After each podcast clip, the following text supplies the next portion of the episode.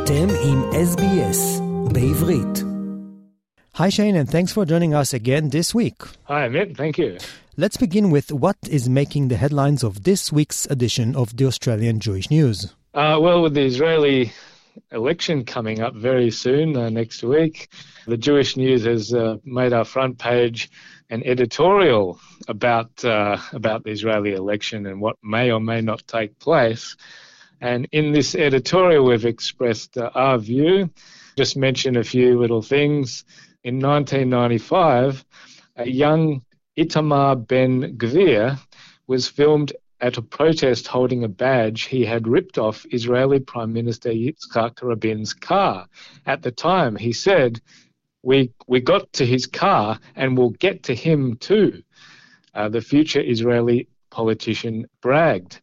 27 years later, and on the cusp of potentially becoming a senior minister in the next Israeli government, the Otzma Yehudit party leader, though he says he is moderated, continues to espouse extremist views, the same nationalist and racist rhetoric that drove Rabin's killer.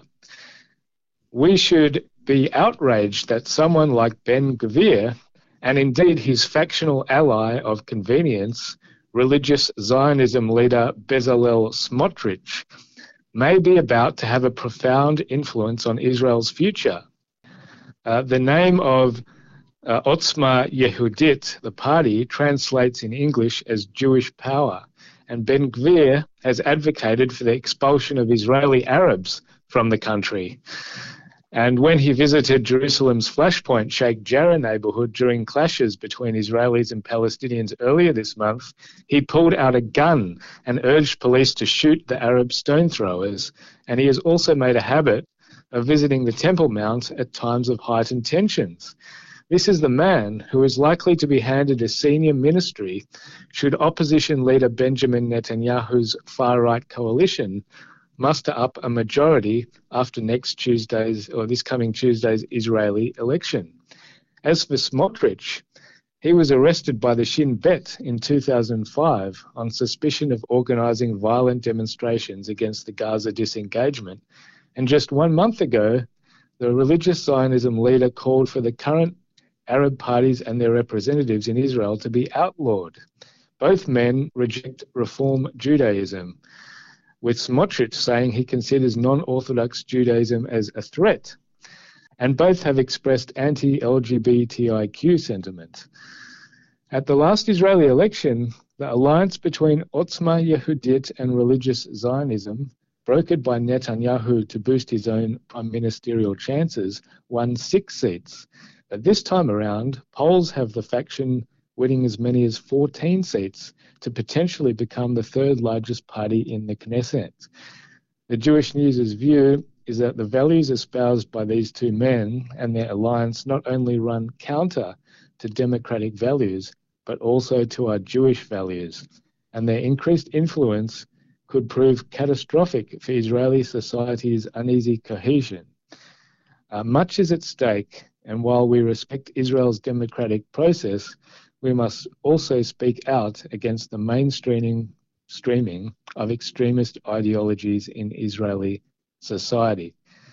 Because if extremists are given important positions in the Israeli government, it could undermine not only Israel's security, but its future as a Jewish and democratic state negatively impacting its global standing while having implications for the safety of diaspora communities like ours. Right. I guess it's a big headline. It seems like you are covering quite a lot of the Israeli elections, or you may have more in the next edition after the election.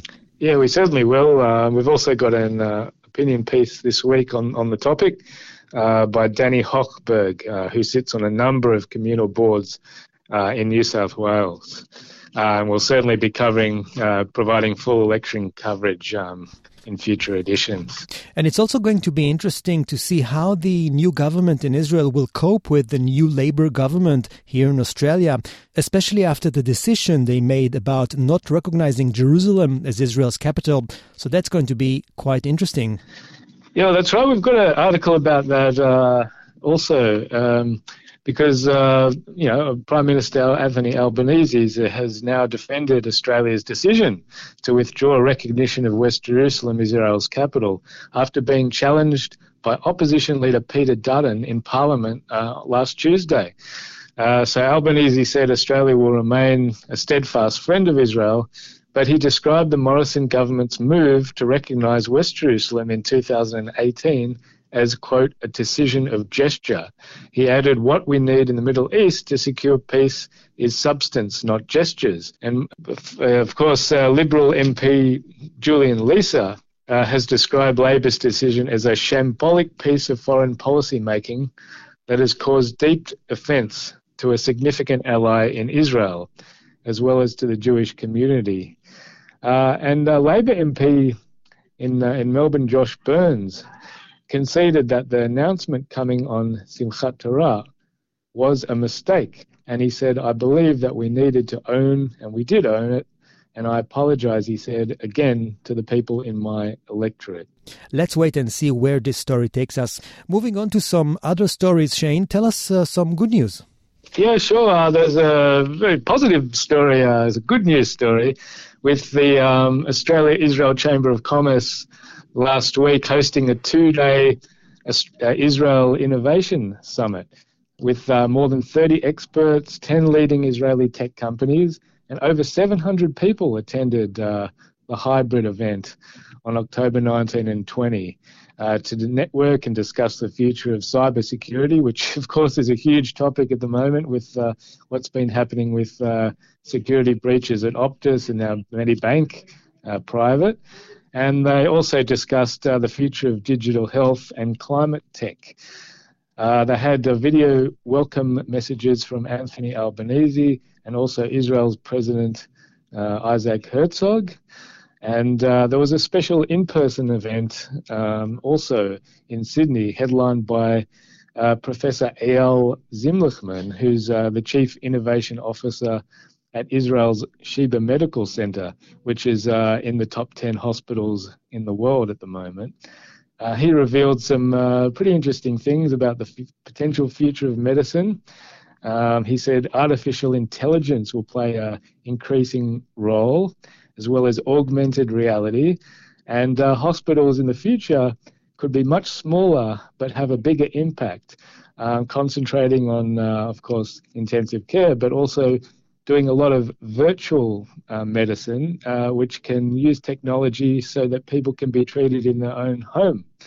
So, uh, and there'll be special apps, he said, that can uh, sort of censor or monitor what's happening in your body and recommend that you take certain medicines uh, in the next 24 to 48 hours to prevent uh, serious serious health outcomes. Uh, so he says that's that's kind of the thing where uh, where the future of health is going, and uh, Israeli companies are, are, at the, the forefront of that. And it's interesting that you mentioned it. Um, you mentioned the breach of Optus and also Medibank. And unfortunately, we may see more and more events like these where data is being breached. So maybe Israel is the one that could come to the rescue with all their advanced technology, especially when it's considered to be a startup nation with many high tech companies specializing in cybersecurity. Yeah, absolutely. Um, there's there's many many uh, Israeli companies that are specializing in that. Uh, of course, in Beersheba now is, is becoming a real hub uh, for cybersecurity uh, in Israel's south. And even at this summit, there was a, a few companies uh, represented. I had a chat to some of them, including uh, Orca Security and Transmit Security, and they're developing uh, already a lot of um, uh, measures that can prevent, that can ac- actively monitor in real time threats that are happening to companies and, and to consumers uh, over the internet. And uh, they mentioned that their kind of technology could potentially uh, have prevented such breaches as what happened to uh, Optus and Medibank, Medibank Private. So, um, yeah, absolutely. the solution, we could always uh, it's always good to have uh, help from um, experts and uh, some of the leading experts in the world on this uh, based in Israel. Nice. Let's jump straight to sports. And what is new in the world of sports? Yeah, well, I might mention uh, some sport. Um, we had uh, last Saturday in Sydney in CommBank Stadium a young 20 year old former Hakoah player uh, Zach Sapsford. Uh, he's just turned 22 months ago, uh, and he also previously played for Sydney FC's academy. Um, he's joined the Western Sydney Wanderers uh, in the off season, and in round three last week, uh, he got his first game. So he was put on in the 80th minute and he played for 15 minutes in the Wanderers one all draw with Brisbane. And his parents and some friends were there to, to uh, at the stadium to savour the moment. And he just said it's been an absolute dream come true. And uh, so, you know, we think uh, the sky's the limit for him. Um, he's a great kid and uh, he's, he can now say he's an A League player. Fantastic news. And I know we are a little early, but any mentions about the upcoming World Cup in Qatar and its relation to Israel? Oh, yeah, it's still a little while away, but uh, we did. Um, I think last month we we uh, ran something on uh, just the fact that uh, uh, with FIFA overseeing things, uh, Israelis will be allowed to. Israeli fans will be allowed to travel to Qatar and, and attend World Cup matches. so that's thanks to FIFA. Uh, maybe it you know wouldn't have happened otherwise, but um, Israeli fans will be able to go and watch the World Cup, which is uh, which is a great thing. Let's finish off with some more good news, and with the UIA bringing a special guest speaker to Australia. Well, we've got the UIA Australia announcing that next month they're bringing to Australia a special guest, uh, Charlotte Korchak, um, who is uh, uh, Director of International Student Programs um, from Stand With Us. And it's uh, quite timely that she's coming because um, she said, uh, you know, with all the anti Semitism that students are facing, uh, education is so important. And uh, she already provided some advice. She says, don't wait for a BDS motion to arrive to then bring the conversation about Israel to your campus. She said, be confident enough to start that conversation, uh, even if that means that there's going to be a bit of an anti Zionist backlash in that discussion. That shouldn't stop us, she said, from telling our truth and helping the average student on campus better understand Israel and let them know that you can be the source uh, of information for that. Thanks. And for the full stories and more, head to the Australian Jewish News website. Shane Desiatnik, thanks for your time. Thanks a bit. עקבו אחרינו והפיצו אותנו דרך דף הפייסבוק שלנו.